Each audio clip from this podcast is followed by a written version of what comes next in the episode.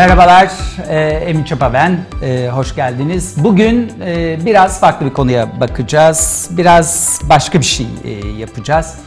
Ekonomi dışında, biraz bilimin, teknolojinin dışında başka bir şeye bakacağız.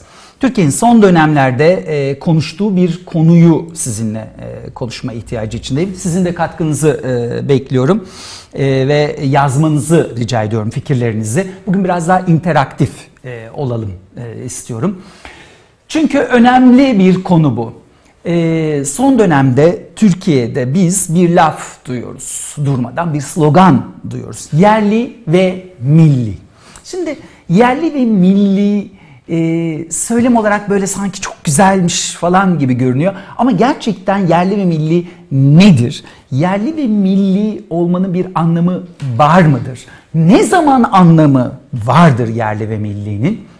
E, biraz bunları sizinle konuşmak istiyorum. Çünkü Türkiye'de bizim bakış açımız ne yazık ki son yıllarda giderek küçüldü. Daracık bir dünyadan e, bakıyoruz. Daracık gözlüklerle bakıyoruz dünyaya. Halbuki dünya bizim geniş bir perspektiften bakmamız gereken bir çağa girdi. Artık öyle 90, 60, 80, 120 dereceler falan yetmiyor. 180 dereceler yetmiyor. Arkanızda gözünüz olmasını istiyor yeni çağ.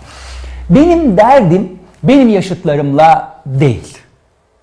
Benim derdim gençlerle. Gençlerin dünyayı anlamaları, dünyayla rekabet edebilmeleri, dünyaya hazır olmaları bizim için ana dert olmak zorunda. Eğer benim yaşımdakilerin, anne babaların, dedelerin, ninelerin derdi çocuklarını, torunlarını ve tabii ki hepimizin çocuğu, bu ülkenin gençlerini dünya ile yarışır hale getirmiyor, getirmek değilse, getirmiyor isek derdimiz bu değilse o zaman bizim büyük bir sorunumuz var e, demek.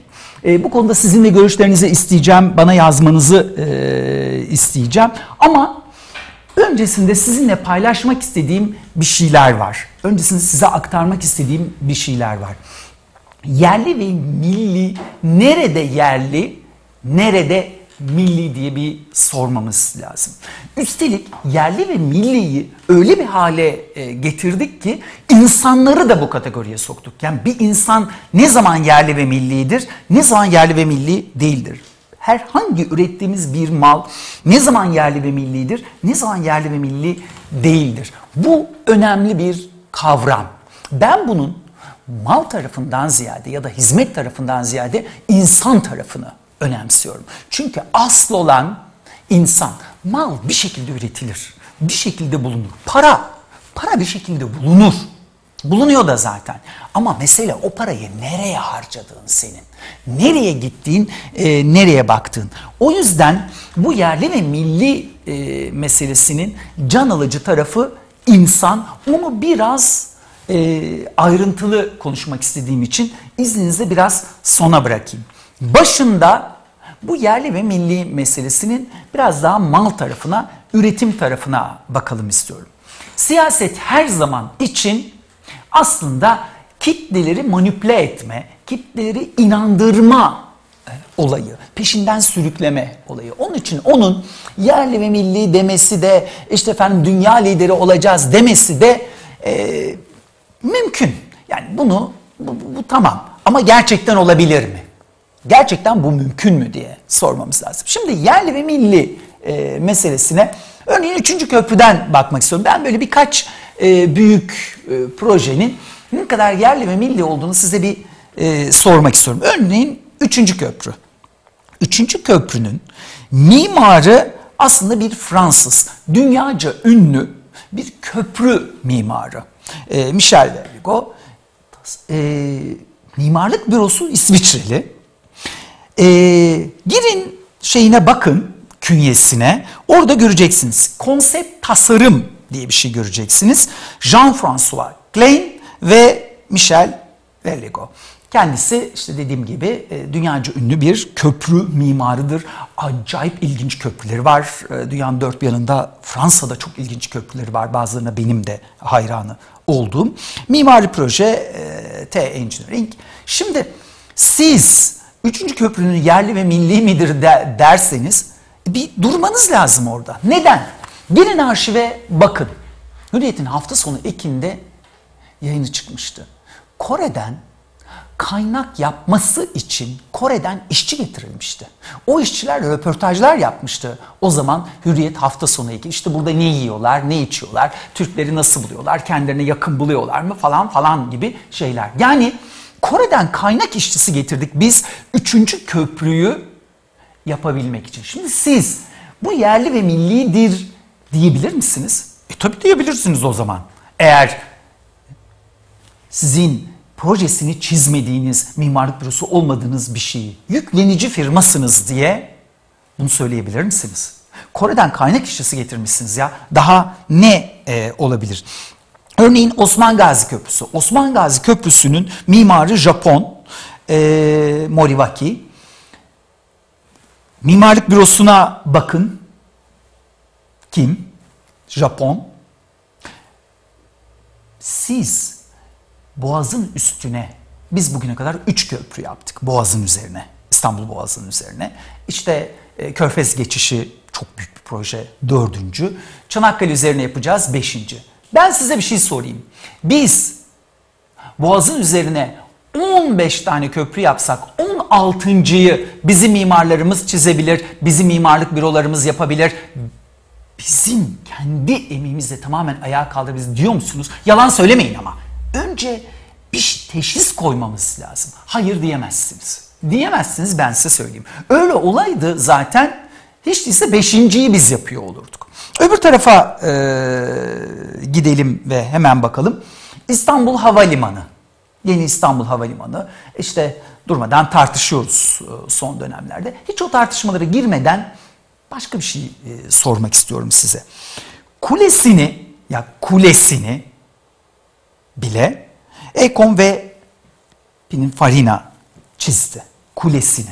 Çizebilir mi? Evet çizebilir. Elbette çizebilir. Dünya çapında yarışma yaparsınız. Dünya çapında e, yarışmalarla bunları gerçek olabilir. Ama o zaman bana gelip işte e, şunun kökü dışarıda o yerli ve milli değil diyemezsiniz. Müellifi kim acaba? Havalimanının, yeni havalimanı yani eser sahibi kim e, acaba diye hemen baktığımızda işte Grimshaw e, Architect, işte Nordic Architecture, e, master planı Perkins ve Will. E, e daha ilginç bir şey söyleyeyim e, size. Bundan daha ilginç ve daha önemli bir şey. Bütün dünya sizi kıskanıyor ve bütün dünya size düşman. Böyle bir psikoloji içerisindesiniz. Ama 3. havalimanının yürüyen merdiven ve yürüyen bantları için ihaleye çıkıp bunu da Almanlar kazanıyor. Bunu da Almanlara veriyorsunuz. E burada bir hani durmamız ve düşünmemiz lazım. Mal tarafı açısından baktığımız zaman yerli milli. Bu arada ben yabancı mimarlık bürolarına ya da e, inşaat firmalarına karşı olduğum için bunu söylemiyorum. Bu söylemde bir sahtekarlık olduğunu söylemek için bunları dile getiriyorum. Yoksa siz uluslararası çapta ses getiren bir yarışma yapıp öyle bir yarışmanın sonucunda dünyaca ünlü mimarların katılımıyla uluslararası çapta her yerlerde haber olan İstanbul'u bir hip şehir, gözde şehir, dünyanın kıskandığı bir şehir haline getirecek. İstanbul'un binlerce yıla e, dayanan tarihiyle modern yüzünü bir şekilde dünyanın gündemine taşıyacak ve birleştirecek projelerle dünya gündemine taşımak için böyle şeyler yapabilirsiniz. Elbette ki yapabilirsiniz. Ama bu söylemin arkasını doldurmanız lazım yerli ve milli söyleminin. Yoksa yoksa bu sadece söylemden ibaret. Bizi bir adım öteye taşıyamayan bir konu. Ama benim bu konuyu sizinle konuşmak istememin nedeni bu değil. Yani havalimanı değil veya yerli otomobil. Biliyorsunuz Saab'a 40 milyon e, euro verdik. Çinliler satın aldıktan sonra bayağı bir parasını bizden çıkardılar Çinliler. Sonra da o yerli ve milli otomobilin o taslaklarını aldığımız o, o temel projeyi çöpe attık. Şimdi yeni baştan yerli ve milli otomobil yapacağız diye e, çabalıyoruz. Niye çöpe attık? Çok paramız olduğu için. 40 milyon euro bize battığı için. Onu bilime, teknolojiye, gençlere aktarmak yerine götürdük, sahaba verdik ve çöpe attık. Bayağı bildiğiniz çöpe attık. Fakat gene de bunların hiçbiri de önemli değil. Asıl mesele kişiler. Çünkü dönüp insanlara bizim yerli ve milli gazetecilere ihtiyacımız var. Bizim yerli ve milli ekonomistlere ihtiyacımız var. Bizim yerli ve milli teknoloji geliştiricilerine ihtiyacımız var dediğiniz zaman işte orada bir durmanızı istiyorum. Orada bir durmamız lazım. Çünkü bu kafanın devamı eğitime gidiyor. Eğitimde yerli ve milli gençler yetiştireceğiz kafasıyla davrandığınız zaman o başka bir yere e, bizi sürüklüyor, bizi başka bir yere götürüyor. Gençleri dünyadan kopuk yetiştirme noktasına bizi götürebiliyor. O yüzden ben bunun çok tehlikeli, riskli, doğru bir şey olmadığını e, düşünüyorum. Nedir? Hemen sorayım size. Bir mal ürettim ama o malı kapı kulenin dışında hiç kimse istemiyor. Ben bunu ürettim, size satacağım. Yerli ve milli lütfen alın. Ama dünyada hiç kimse onu beğenmiyor ve hiç kimse onu istemiyor. Böyle bir malı alır mısınız? Veya niye alasınız? O kadar kalitesiz ki Kapıkule'nin dışında hiçbir değeri yok o malın. Sadece içeride satacağım size. Böyle bir malın nasıl ki değeri yoksa aynı şey insanlar için de geçerli. Kapıkule'nin dışında yarışamayan bir malı üretmemizin anlamı yok. Dünyayla yarışabilir, dünyaya meydan okuyabilir mallar üretmemiz, teknolojiler geliştirmemiz, ürünler üretmemiz lazım. Bu sadece yüksek teknoloji için geçerli değil. Bu aynı zamanda buğday için de geçerli. Bu aynı zamanda e, yetiştiriyorsanız ki biz ithal ediyoruz. Mısır ayçiçek en büyük ithalat kalemlerimiz arasında. Bunlar için de geçerli. Fasulye yetiştiriyorsanız onun için de geçerli. Domates yetiştiriyorsanız onun için de geçerli. Dünyada talebi olan şeyler yaratmamız lazım. Satıp satmamamız ayrı ama kalitesiyle dünyayı kıskandıran ürünler üretmemiz lazım. Ben kendi hayatımdan örnek vermeyi çok seviyorum. Kendi oğluma ki benim oğlum 29 e, yaşında kendi çocuğuma hep e, üniversite eşiğine geldiği zaman şunu söyledim. Çocuğum kimyacı mı olacaksın? Almanya'da kimyacı olarak hayatını kazanabilir misin? Yavrum ekonomist mi olacaksın, iktisatçı mı? Amerika Birleşik Devletleri'nde ekonomist olarak hayatını kazanabilir misin? Çocuğum fizikçi mi olacaksın? İngiltere'de fizikçi olarak ayakta durabilir misin? Hayatını kazanabilir misin? Çocuğum mühendis mi olacaksın? Japon mühendislerle yarışabilir misin? Japonya'da mühendislik yaparak hayatını sürdürebilir misin? Eğer kimyacılarımız Alman kimyacılarla, iktisatçılarımız Amerikalı iktisatçılarla, mühendislerimiz Japon mühendislerle yarışamıyorlar ise o zaman bizim şirketlerimiz, bizim ülke, e, ülkemiz Japonlarla, Almanlarla, Amerikalılarla, İngilizlerle nasıl yarışacak? Korelilerle nasıl yarışacak sizi sorabilir miyim? Sokaktaki adam Koreli ile yarışamıyorsa, Hollanda'da sokaktaki adamla yarışamıyorsa bu ülke nasıl yarışabilir sorabilir miyim? Böyle bir şey mümkün mü? Yerli ve milli dediğimiz zaman bizim bakmamız gereken ana konu şu. Dünyayla yarışabilen insanlar yetiştirebiliyor muyuz? Zaten bir insan dünya ile yarışabilir şekilde yetiştiyse o zaten sizin gurur kaynağınız. Sizin gurur kaynağınız. Siz onunla gurur diyebilirsiniz, o ülkeyi ileri taşır. Hollanda ile yarışamayan, İsveçli ile yarışamayan, Almanla yarışamayan, Fransızla yarışamayan, İngilizle yarışamayan, Amerikalı ile yarışamayan, Koreli ile Japonla, Hintli yarışamayan birisi yerli ve milli olsa ne olur, olmasa ne olur? Biz bu yarışa girebilecek gençlerin sayısını artırmamız lazım. Bu yarışa girebilecek gençlerin sayısını nasıl artırabiliriz onu sormamız lazım. Gençler size soruyorum. Ben şu anda üniversite öğrencisiyim ve bu üniversitede aldığım eğitim diyelim ki Almanya'da aynı eğitimi alanla beni yarıştırır. Benim bu üniversitede aldığım mühendislik eğitimi beni Koreli mühendislerle yarıştırır. Onlardan daha iyi eğitim alıyorum veya onlar kadar iyi eğitim alıyorum. Ben ekonomi eğitimi alıyorum. Amerika'da ekonomi eğitimi alanlar kadar iyi eğit ekonomi eğitimi alıyorum. Kaçınız diyebilirsiniz? Gerçek söyleyin ama yalan söylemeyin. Anne babalar siz söyleyin.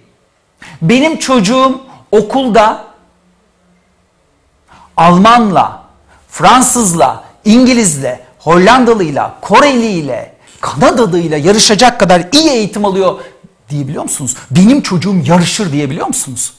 E siz bunu diyemezseniz eğer o zaman bu Türkiye'deki şirketler nasıl diyecekler? Onlar nasıl dünyaya meydan okuyacaklar? Türkiye nasıl dünya lideri olacak? Mühendisleriniz, fizikçileriniz, kimyacılarınız, tarihçileriniz, coğrafyacılarınız, matematikçileriniz, yazılımcılarınız dünyaya meydan okuyamazlarsa, Kapıkule'nin dışında yarışamazlarsa sizin şirketleriniz nasıl yarışacak? Ülkeniz nasıl yarışacak? Biraz bunu düşünmemiz lazım. Bu gençlere, bu insanlara dünya ile yarışabilir bilgiyi nasıl aktarabiliriz diye bakmamız lazım. Bugün bizim eğitim sistemimizin de ekonomimizin de dünya ile yarışamamasının temelinde aslında bakış açımızın darlığı yatıyor. Biz malımızı üretirken de böyle şirketlerimiz de var. Dünyayı hesaba katabiliyor muyuz? Evet katabilen şirketlerimiz var. Bu mal dünya ile rekabet edilebilir kalitede olmalıdır. Ona göre planlanıp üretilmelidir, çizilmelidir, dizayn edilmelidir, içine teknoloji girmelidir. İşte bunu söylediğiniz zaman Kapıkule'nin dışında talep gören mala zaten içeride de talep olur. Benim çok çok böyle üzüldüğüm bir atasözümüz var. Asılacaksan İngiliz sicimiyle asıl. Niye? Çünkü bizim malımız kalitesiz. İngiliz'in ipi kopmaz. Ya kardeşim öleceksin ya. Hani asılacaksın ve öleceksin. Kopsun da ölme değil mi? Hayır. Orada bile hani İngiliz sicimiyle asılacak ki ölecek yani. Bu imajı yıkmamız lazım. Bunu yıkabilen şirketlerimiz var mı? Var, kesinlikle var. Dünya ile yarışabilen mühendislerimiz yok mu? Var. Dünya yarışabilen fizikçilerimiz yok mu? Var. İngiltere'de dünyanın en önemli fizik laboratuvarlarında çalışan vatandaşlarımız var. Nobel ödülü alabilen vatandaşlarımız olduğuna göre demek ki genetik bir sorun değil bu. Bu sorun dünya ile yarışabilir gençler yetiştirme, ürünler üretme merkezinden bakma bir sorunu. Ha diyeceksiniz ki miyerli ve milli zaten öyle bir şey dünyada. E, e, ama o öyle olmuyor. Siz yerli ve milli değil, evrensel değerlerle gençler yetiştirmeniz lazım. O gençler zaten yerli ve milli olurlar. Kendinize sorun. Neden bu gençler kaçıyorlar. Şu anda Türkiye'deki gençlerin önemli bir kısmı Türkiye'den nasıl kaçarım? Kapağı yurt dışına nasıl atarım? Bunun hesabı içerisindeler. Neden acaba? Niye acaba? Vatan haini oldukları için mi? Yerli ve milli olmadıkları için mi? Niye? Geçen sene ben e, Almanya'daydım. Almanya'daki mimar ve mühendislerin konuğu oldum. Orada bana bir şey anlatıldı. Denildi ki Almanya eyaletler düzeyinde Türk mimar, mühendis ve doktorları çekmek için bürolar kurdu. Çünkü Türkiye'den kaçan kaçana. Bunlar niye kaçıyorlar? Bugüne kadar bu ülkede çalışıyorlardı, bu ülkede e, üretmeye çalışıyorlardı, bu ülkeye katkıda bulunmaya çalışıyorlardı da şimdi niye acaba kaçmaya çalışıyorlar? Niye kaçmaya çalışıyorlar? Neden? Bir şeyden rahatsızlar. Demek ki bu ülkede geleceklerini inşa edemiyor. Ben size sorarım. Almanya'da mühendislik, Almanya'da doktorluk, mimarlık yapacak kadar yetenekli biri herhalde vasat biri olamaz değil mi? Almanya'da mühendis olarak ayakları üstünde duracak ya. Herhalde Çok da vasat biri olmasa gerek o. Değiller de zaten. E bunlar sizde çok mu? Eski dilde bir laf vardır. Mebzul miktarda. Mebzul şu demek. Yeterince bol bol, gani gani böyle. Dünyanın hiçbir yerinde yetenekli insan gani gani değil. Kore'de de gani gani değil, Japonya'da da, Kanada'da da, Amerika'da da, Almanya'da da, İngiltere'de de bunlar kıt kaynak. Bu akıllı, bu yetenekli insanlar dünyanın her yerinde kıt kaynak, az bulunuyorlar. Mebzul miktarda değiller. O az olanları bile niçin kaçırıyoruz? Neden yurt dışına gönderiyoruz? Acaba diye bir e, sormamız e, lazım diye e, gösteriyorum e, size. Şimdi yakında e, sizinle Türkiye'de gerçekten önemli şeyler e, başaran gençleri e, size tanıtacağım. Türkiye'de önemli işler yapan, dünya çapında işler yapan, başarılı olan gençleri size aktarmaya çalışacağım. Onlarla sizi buluşturmaya e, çalışacağım. Burada e, o gençlerle birlikte olacağız. Neden? Çünkü şu aşağılık kompleksine kapılmamamız lazım. Bilim batıda yapılan bir şey biraz daha Asya'da yapılır. Bizden ara eleman çıkar. Hayır efendim bizden şahane bilim insanı çıkar. İşte bir e, garajlarında adamlar Facebook yaratıyorlar. E, Microsoft yaratıyorlar. He bizde garaj olmadığı için aptalız biz. Öyle ama yok. Son derece iyi girişimciler var e, bu ülkede. İşte bizde teknoloji çıkmıyor. Hayır, son derece güzel teknoloji e, üreten gençler var bu ülkede. O gençlerle sizi tanıştıracağım. Çünkü eski ile yeni arasında şöyle büyük bir fark var. Eskiden bir şeyler başarmak için büyük ekipler ve büyük paralar gerekiyordu. Şimdi öyle değil. Şimdi dijitalleşme sayesinde, dijitalleşmenin her yere nüfuz etmesi sayesinde, blockchain sayesinde 3-5 genç burada bir araya gelip dünya devi şirketlerin başaramadıklarını başarıyorlar. 3-5 genç burada bir araya gelip büyük sermayenin başaramadıklarını başarıyorlar. Bunlar Türkiye'den de çıkıyorlar. Bugün e, bir toplantıdaydım. Orada büyük bankalardan birinin bir yöneticisi ilginç bir örnek e, anlattı. Şöyle ki hepimizin başına gelmiştir. Saat 17'den itibaren yani öğleden sonra 5'ten itibaren havale yapamıyorsunuz. Niye yapamıyorsunuz? Çünkü hiçbir bankanın aklına ya 5'ten sonra da insanlar havale yapmak isterler ve bu yapılsın diye bir şey gelmiş buna bir çözüm bulmamışlar. Hani niye yapmıyoruz ya yani? Niye? Param orada. Öbür adamın da orada hesabı var. Niçin onun hesabına geçmiyor? O da gitsin bir ATM'den çeksin veya alışveriş yapsın veya ne yapacaksa yapsın. Çünkü hiçbirinin aklına gelmemiş. Gençler bir araya gelmişler. Şahane bir sistem kurmuşlar. Beşten sonra da havale yapılmasına imkan veriyor. Her bankada hesap açmışlar. Siz oraya gönderiyorsunuz. O da size gidip ATM'den çekiyorsunuz. Şahane bir sistem kurmuşlar. Hem de basit bir yazılım sadece sorunu görme üzerinden. Sorunu görmek çözümü görmekten daha önemli. Sorunu gördüğünüzde çünkü sorunu tespit ettiğinde çözüm bulabilirsiniz. Ben onun için durmadan sorunları dile getiriyorum. Sorun olduğunu kabul etmemiz lazım. Sorun olduğunu kabul etmeyince çözümü bulamıyorsunuz. Şu anda yaşadığımız şey.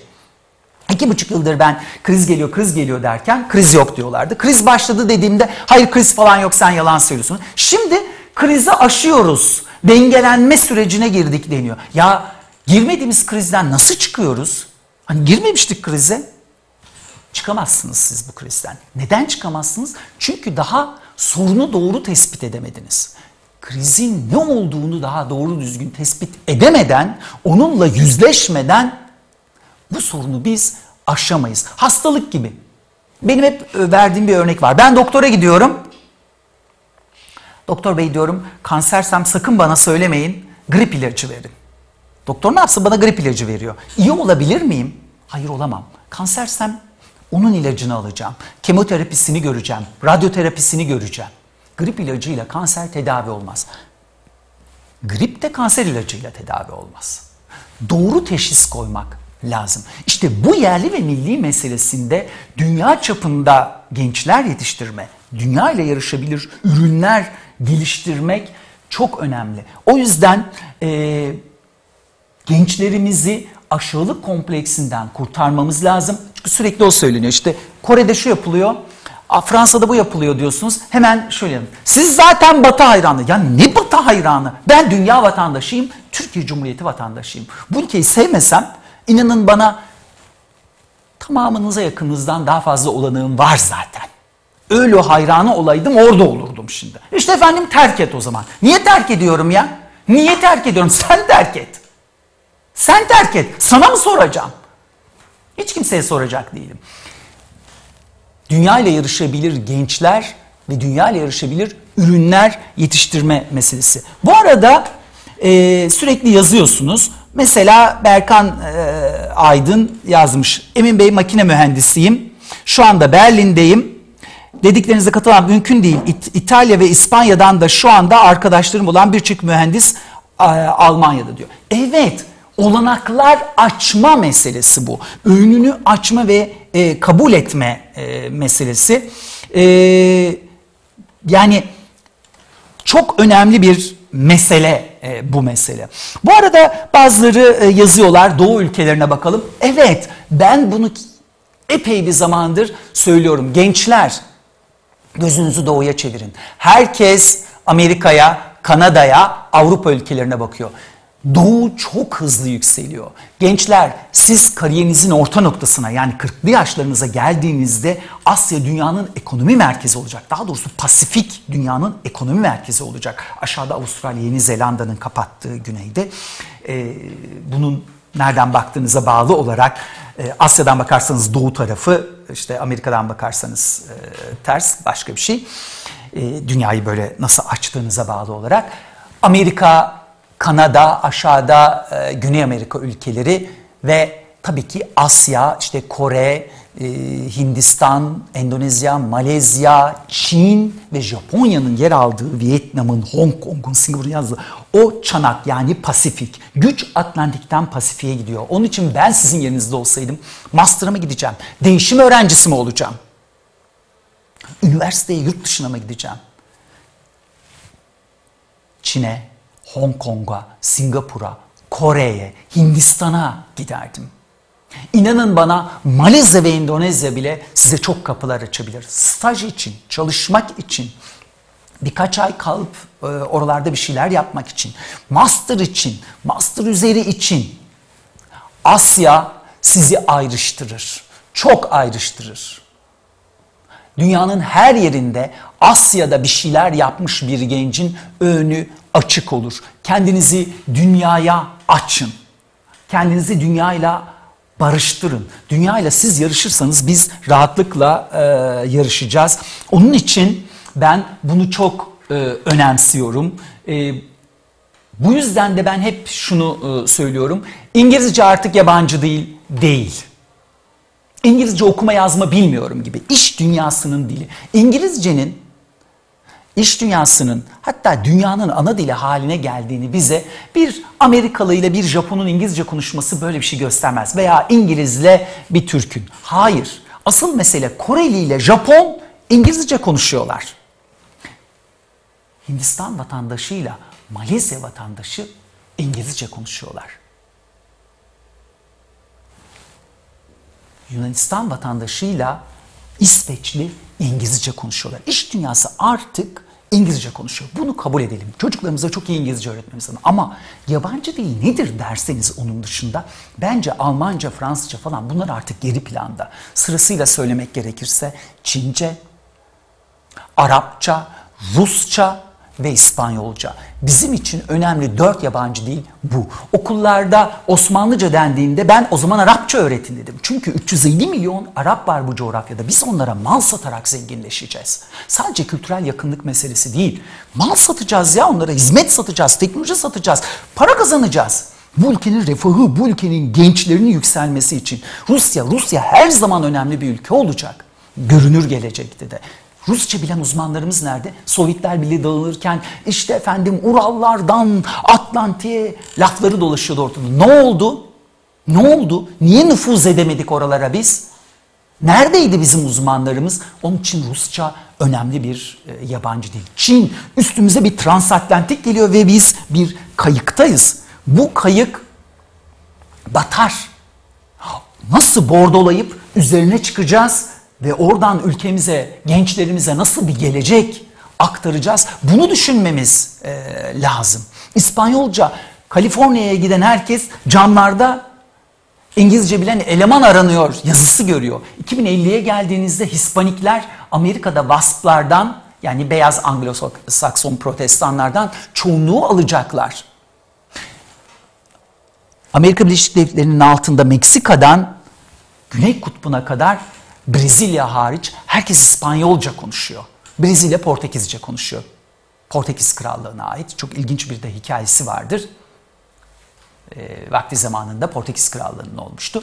Brezilya Portekizce konuşuyor ama onun dışı İspanyolca konuşuyor. Bizim bu coğrafyalara açılmamız lazım. Onun için İngilizce yabancı dil değil ve iyi İngilizce biliyorum diye de bir şey yok. Gençler lütfen bunu göz önüne alın. Çince, Arapça, Rusça ve İspanyolca yabancı dil, önemli yabancı dillerdir. İkinci e, bir dil alacaksınız ve gözünüzü de e, Asya'ya çevirin. O yüzden e, ben bunu önemsiyorum. Burada yazdığınız için de bunu söylemek istiyorum. Hani özellikle söylemek istedim. Evet, tabii ki Batı'da dünyanın en iyi bilim kurumlarının önemli kısmı oralarda. Asyalılar da o tarafa zaten nüfuz etmeye e, çalışıyorlar. Neden? O kültürün, o iş yapış biçimlerini kendilerine aktarabilmek için. Ama bizim de gözümüzü Asya'ya doğru e, çevirmemiz, oralarda neler o, olduğunu görmemiz ve anlamamız e, lazım. Yerli ve milli meselesine biraz dünyaya açılan, dünyayı anlayan insanlar olarak da e, bakmamız lazım. Aksi takdirde bu e, bizim canımızı yakabilecek e, bir konu haline e, geliyor. İçini boşaltmamamız lazım bu e, kavramların. Bunları siyasi hale e, getirmememiz e, lazım. Şimdi sizin söylediklerinizden e, bazılarını hemen e, söyleyeyim. Mesela burada Araplar yabancı ile konuşurken e, Deniz e, yazmış. Araplar yabancılarla konuşur İngilizceyi tercih ediyor. Evet ama o pazarlara nüfuz etmek istiyorsanız Arapça bilmek size avantaj sağlar. Zaten İngilizce artık dedik ya yabancı dil e, değil bu konuyu e, düşünmemiz ve e, şey yapmamız e, lazım. E, mutlaka söyleyeyim mesela bir arkadaşınız diyor ki Vedat Kanada'da master yapmayı düşünüyordum e, diyor. Ben söyleyeyim benim oğlum gitti. Şu anda da çok uluslu bir şirkette e, çalışıyor. Ama Asya'yı ihmal ederek gitmedi. Oradaki işinde çok önemli bir avantajı olarak Asya'da yaptığı şeyler var. Türkiye Cumhuriyeti vatandaşı olması bile bir avantaj. İş görüşmesinde dünyanın büyük şirketlerinden, e, çok uluslu şirketlerinden birinde çalışıyor Kanada'da. E, benim oğluma demişler ki işte seni okyanus ötesindeki müşterilerimizin işlerine göndersek gidebilir misin? Oğlum da demiş ki ben 19 yaşından bu yana ailemden binlerce kilometre uzakta ayakta kaldım ve bu ülkeye gelmek için bir kıta ve bir okyanus açtım. Beni Kanadalılarla karıştırmayın. Ha işte bu güvene sahip gençler yetiştirmemiz Beni oğlum diye söylemiyorum. Ben hepinizi oğlum ve kızım gibi hissediyorum. Bu güvene sahip gençler yetiştirmemiz lazım. O yüzden e, önemsiyorum e, bunu. Lütfen e, şunu da bir e, görün. Bu iş bir özgüven işi. O özgüvenin içinin boş olmaması lazım. Boş bir özgüvenle dünya bizi kıskanıyor, herkes de bizi kıskanıyor falan demeyelim. Bunun içini dolduralım. Gerçekten bizi kıskansınlar. İşte o zannettiğinizden daha zor. Çok zor. Dünya ile yarışacak, Japonla yarışacak dedim ya hani mühendisler, Almanla yarışacak, kimyagerler. İşte bunları yetiştirebiliyor olmamız lazım. Bunları yetiştirmek zorundayız. Bu çaba içine girmek e, zorundayız. E, bakalım başka neler söylemişsiniz. Burada e, boku, e, bakıyorum. E, Köy enstitüleri e, demişsiniz. E, evet ben şunu söyleyeyim. Köy enstitüleri konusuna benim bakışım sizinkinden biraz farklı. Muazzam bir projeymiş. Çok güzel. Olsaymış Türkiye bugün İsviçre olurmuş. Harika. Ama olmamış. Tarihçilerin konusu artık o. Biz bugün yeni nesil kent enstitüleri, şehir enstitüleri nasıl kurabiliriz? Bunu planlamamız lazım. Dezavantajlı ailelerin çocuklarına nasıl dokunabiliriz? Benim e, çok üzerinde çalıştığım sosyal sorumluluk pro, e, projelerimde önem verdiğim şeylerden biri bu. Dezavantajlı aile ne demek? Dar gelirli ailelerden ya da eğitimi düşük ailelerden gelenlere dezavantajlılar diyoruz. Benim ailem, benim annem ilkokul mezunu, benim babam okumayı askerde öğrenmiş. Sakın kendinize güvensizlik hissetmeyin. Benimle benim oğlum arasında büyük bir aslında uçurum var. Benim oğlumun anne babası üniversiteli dünyayı biliyor, dünyada neler olduğunu biliyor, dünyaya açık bir çocuk. E onun sonucunda İngilizceler, Fransızcalar, İspanyol, e, evet bunlar var. E ama bende niye öyle değildi? Çünkü benim annem ilkokul mezunu, babam okumayı askerde öğrenmişti. Hiç yapamam demeyin. Yapabilirsiniz. Bu iş kendini adama hedef koyma, o hedefin peşinden gitme meselesi. Kafanızı küçük gündelik sorunlardan kaldırın. İleriye bakın.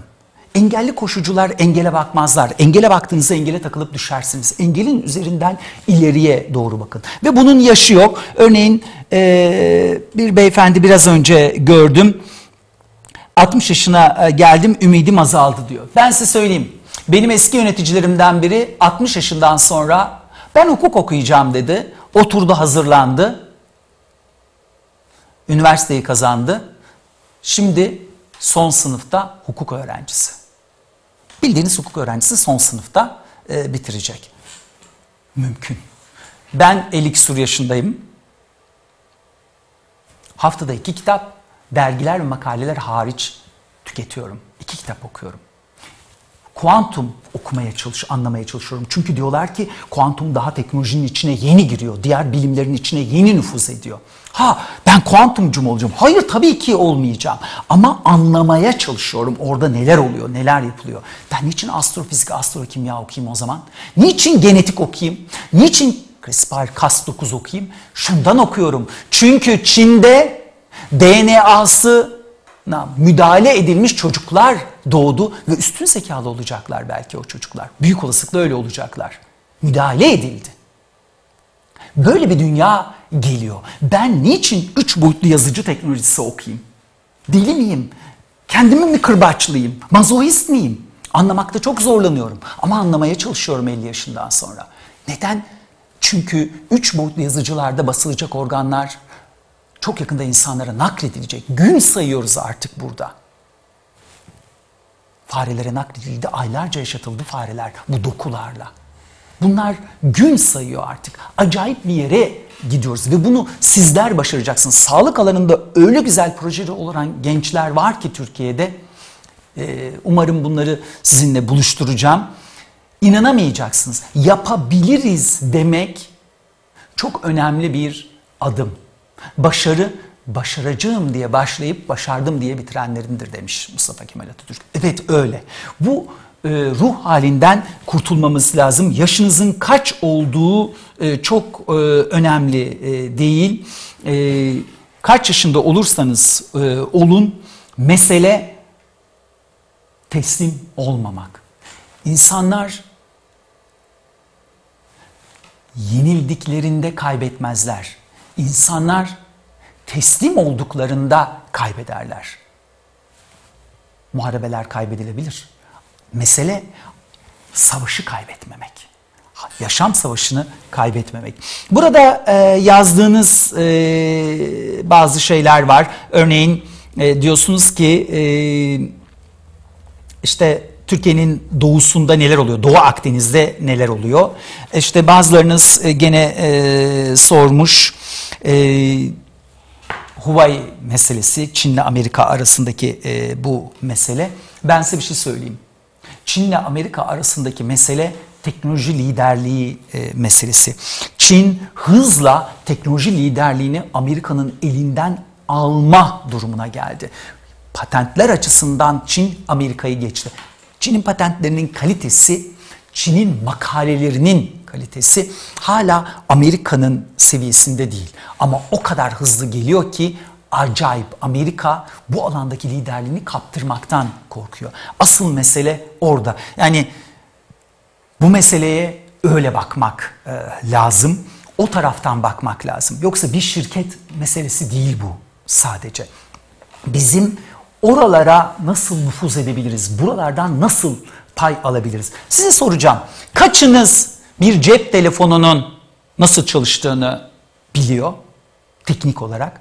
Çok azınız. Veya bir bilgisayarın. Ama hepiniz cep telefonunu ve bilgisayar kullanıyorsunuz. Blockchain de böyle. Dünya üzerindeki her iş blockchain'in üzerine taşınacak. Her iş, dünyanın orta vadesini şekillendirecek olan şey blockchain. Blockchain, blockchain. Blockchain'i sadece kripto paralara indirgemeyin lütfen. Kripto paraların bir kısmı olacak, önemli bir kısmı yok olacak ama bir kısmı kalacak kesinlikle. Ülkelerin çıkardığı paralar bile kripto paralara e, dönecek. Ülkeler de kripto paralar çıkaracaklar. Belki de Fitcoin ya da dolar e, coin'den e, bahsedeceğiz. Bizim Merkez Bankamız bile bu konuda bir çalışma yürütüyor. Ama blockchain çok daha büyük bir şey. Yakında size bir canlı yayın yapacağım. Dünya üzerinde çok az şirketin başardığını bu ülkenin bir şirketi başardı. Uçtan uca ta en başından malın teslimatına kadar her şeyin blockchain üzerinde izlendiği, yapılandırıldığı ilk ihracat Temmuz ayında Türkiye'den yapılacak. Türkiye'de ilk kez olacak bu. Dünyada da bunu yapan şirket sayısı 3-4. Bu ülkenin mühendisleri, bu ülkenin e, yöneticileri yaptılar bunu.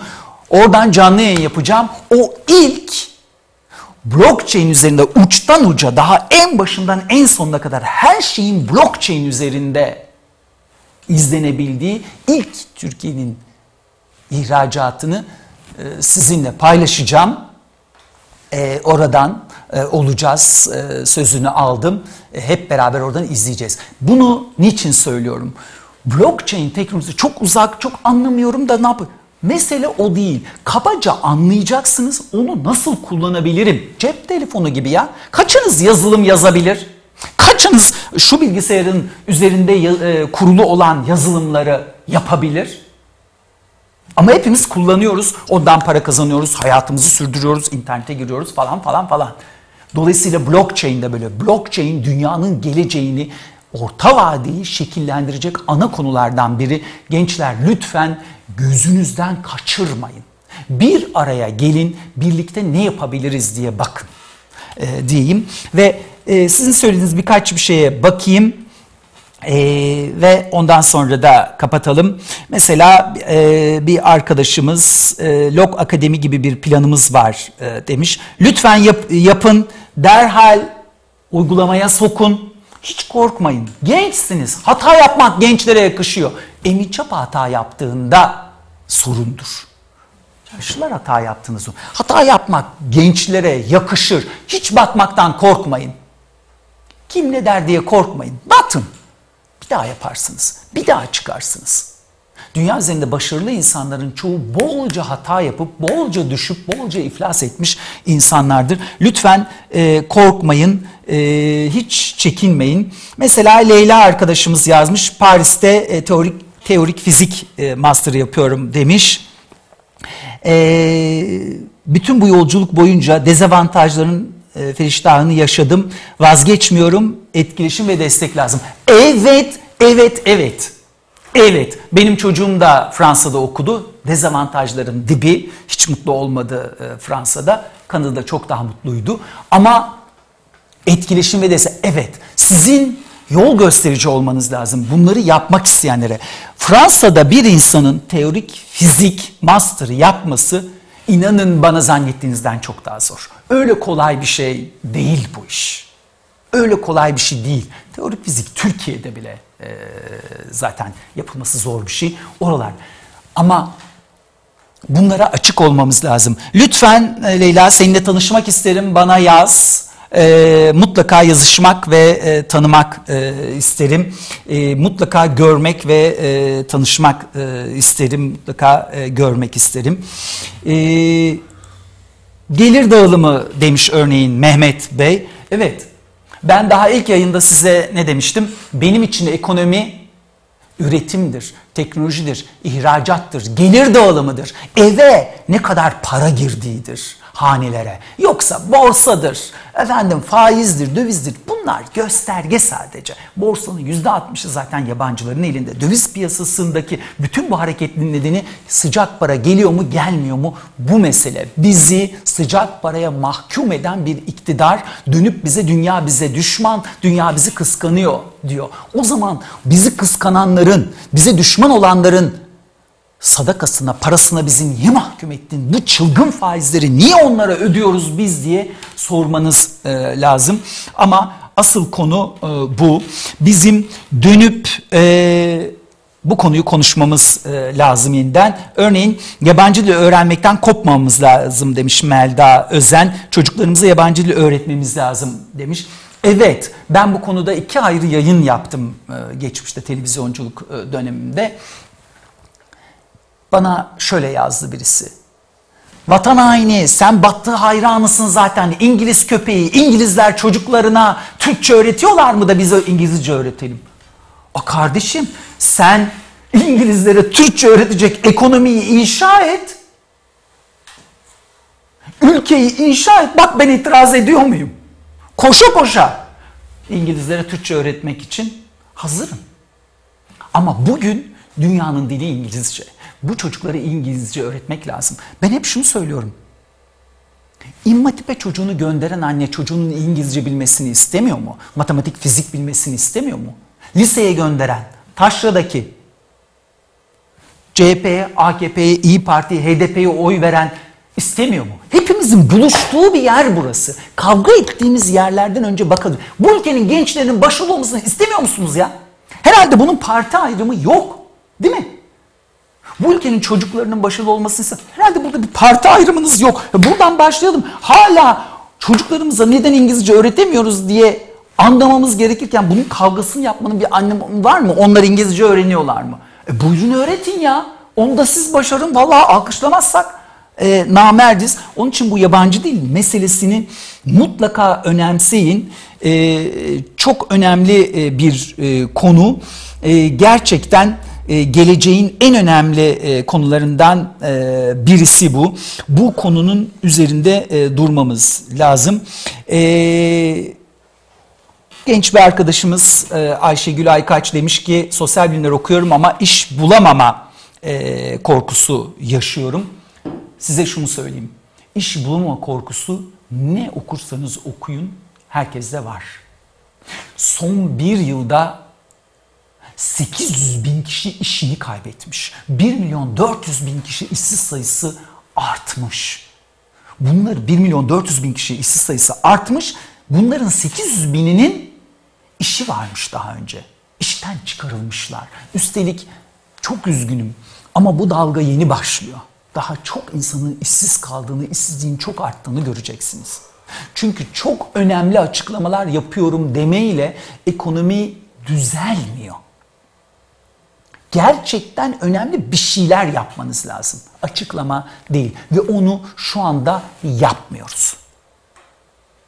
Ne yazık ki önümüzdeki günler daha kötü olacak ekonomi tarafında. Size bunu söyleyeyim. Ha keşke önümüzdeki günler iyi olsa ve siz de deseniz ki bak Emin Çapa sen anlamıyormuşsun bu işten deseniz ama insanlar işsiz kalmasa, gençler, e, Ayşegüller iş bulsa ne olacak ben ekonomi konuşmam.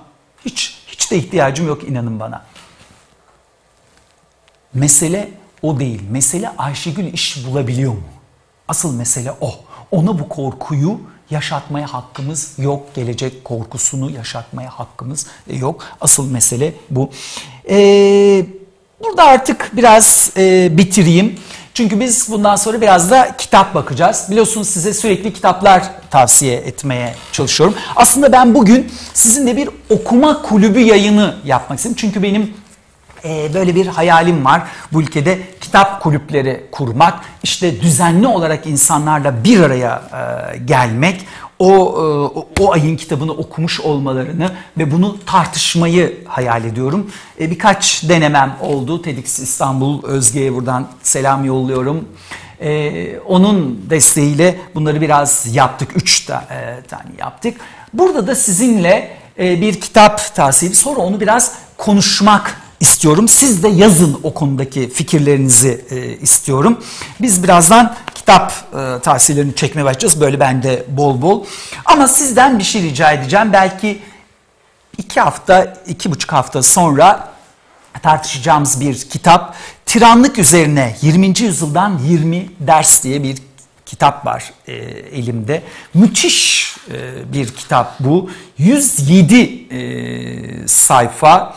E, gerçekten çok önemli e, bir e, kitap. Amerikalı bir tarihçi, 1969 e, doğumlu, benden küçük e, bir tarihçi. E, Brown Üniversitesi ve Oxford'da öğrenim e, görmüş bir tarihçi. Yale Üniversitesi'nde de tarih profesörü olarak görev yapıyor. Şöyle, e, bu kitabın ana konusu şu, dünya yeniden faşizme kayıyor. Dünya diktatörlere doğru yeniden meylediyor. Macaristan'da bunu görüyoruz, Rusya'da görüyoruz. İşte efendim hatta ben size şunu söyleyeyim. Yıllardır ben batıya giderim. Fransa bundan 15 yıl önceki Fransa değil. Almanya, İngiltere bundan 20 yıl önceki İngiltere değil. Kuzey ülkelerinden acayip haberler duyuyoruz. Amerika, işte Türkiye. Türkiye hiçbir zaman Aa, ideal bir demokrasi değil de evet ama Türkiye bugün tek adam rejimine tamamen kaymış vaziyettedir.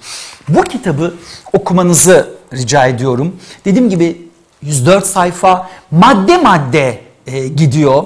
Sizinle bir yayında etkileşimli bir şekilde bu kitabı okuyanlarla burada buluşmak ve konuşmak e, istiyorum. Adı tiranlık üzerine 20. yüzyıldan 20 ders Olido'dan çıktı. Tiranlık üzerine e, kitabın adı. Timothy Snyder'in e, kitabı. 2017'nin olay kitabı e, olarak işte New York Times'ta e, öyle e, şey yapılmıştı. Amerika'da Trump seçildikten e, sonra yazılmış bir e, kitap. Diktatörlüğün yükselişine, tiranlığın yükselişine karşı biz, siz ne yapabiliriz? Madde madde 20 başlık Hepsinde de çok güzel şeyler e, anlatılıyor. Bunu sizinle siz e, yazın ben bir şeyler söyleyeyim, siz yazın, siz fikirlerinizi söyleyin, ben burada dillendireyim. Hep beraber konuşalım. Böyle bir interaktif okuma kulübü yapabilir miyiz e, acaba diye bir bakalım istiyorum. Türkiye'yi de anlayacaksınız, dünyayı da anlayacaksınız. Bunun devam kitapları var. O, e, yani devam kitabı derken bu konuda okumaya devam etmek istiyorsanız onları da e, size e, o yayında tavsiye ederim. Ama şimdi burada kapatalım. Gene çok uzattık. Ben durmadan Bahar'a diyorum ki 15-20 dakikayla sınırlı kalalım Bahar diyorum. Gene 50 dakikaya geldik. Çok vaktinizi aldım. Benimle oldunuz. Çok teşekkür ediyorum size. Bugünkü yayını biraz son dakikada duyurduk ne yazık ki. Ama her pazartesi ve her cuma saat 16'da sizinle beraber e, olacağız. E, uygun olan herkesi bekleriz. Lütfen tiranlık üzerinde de okuyun da bir denemesini yapalım. Bakalım kaç kişi geleceksiniz, kaç kişi okuyacaksınız ve ne dersler çıkardınız? Demokrasiden uzaklaşmaktan ne endişeleriniz var? Nasıl demokrasiye sahip çıkabiliriz? Türkiye'de neler yaşıyoruz? Biraz onu konuşalım e, derim. Şimdilik hoşçakalın. E, pazartesi saat 16'da yeniden birlikte olalım. Biz de başka kitapları biraz e, konuşalım. Biraz onlara bakalım.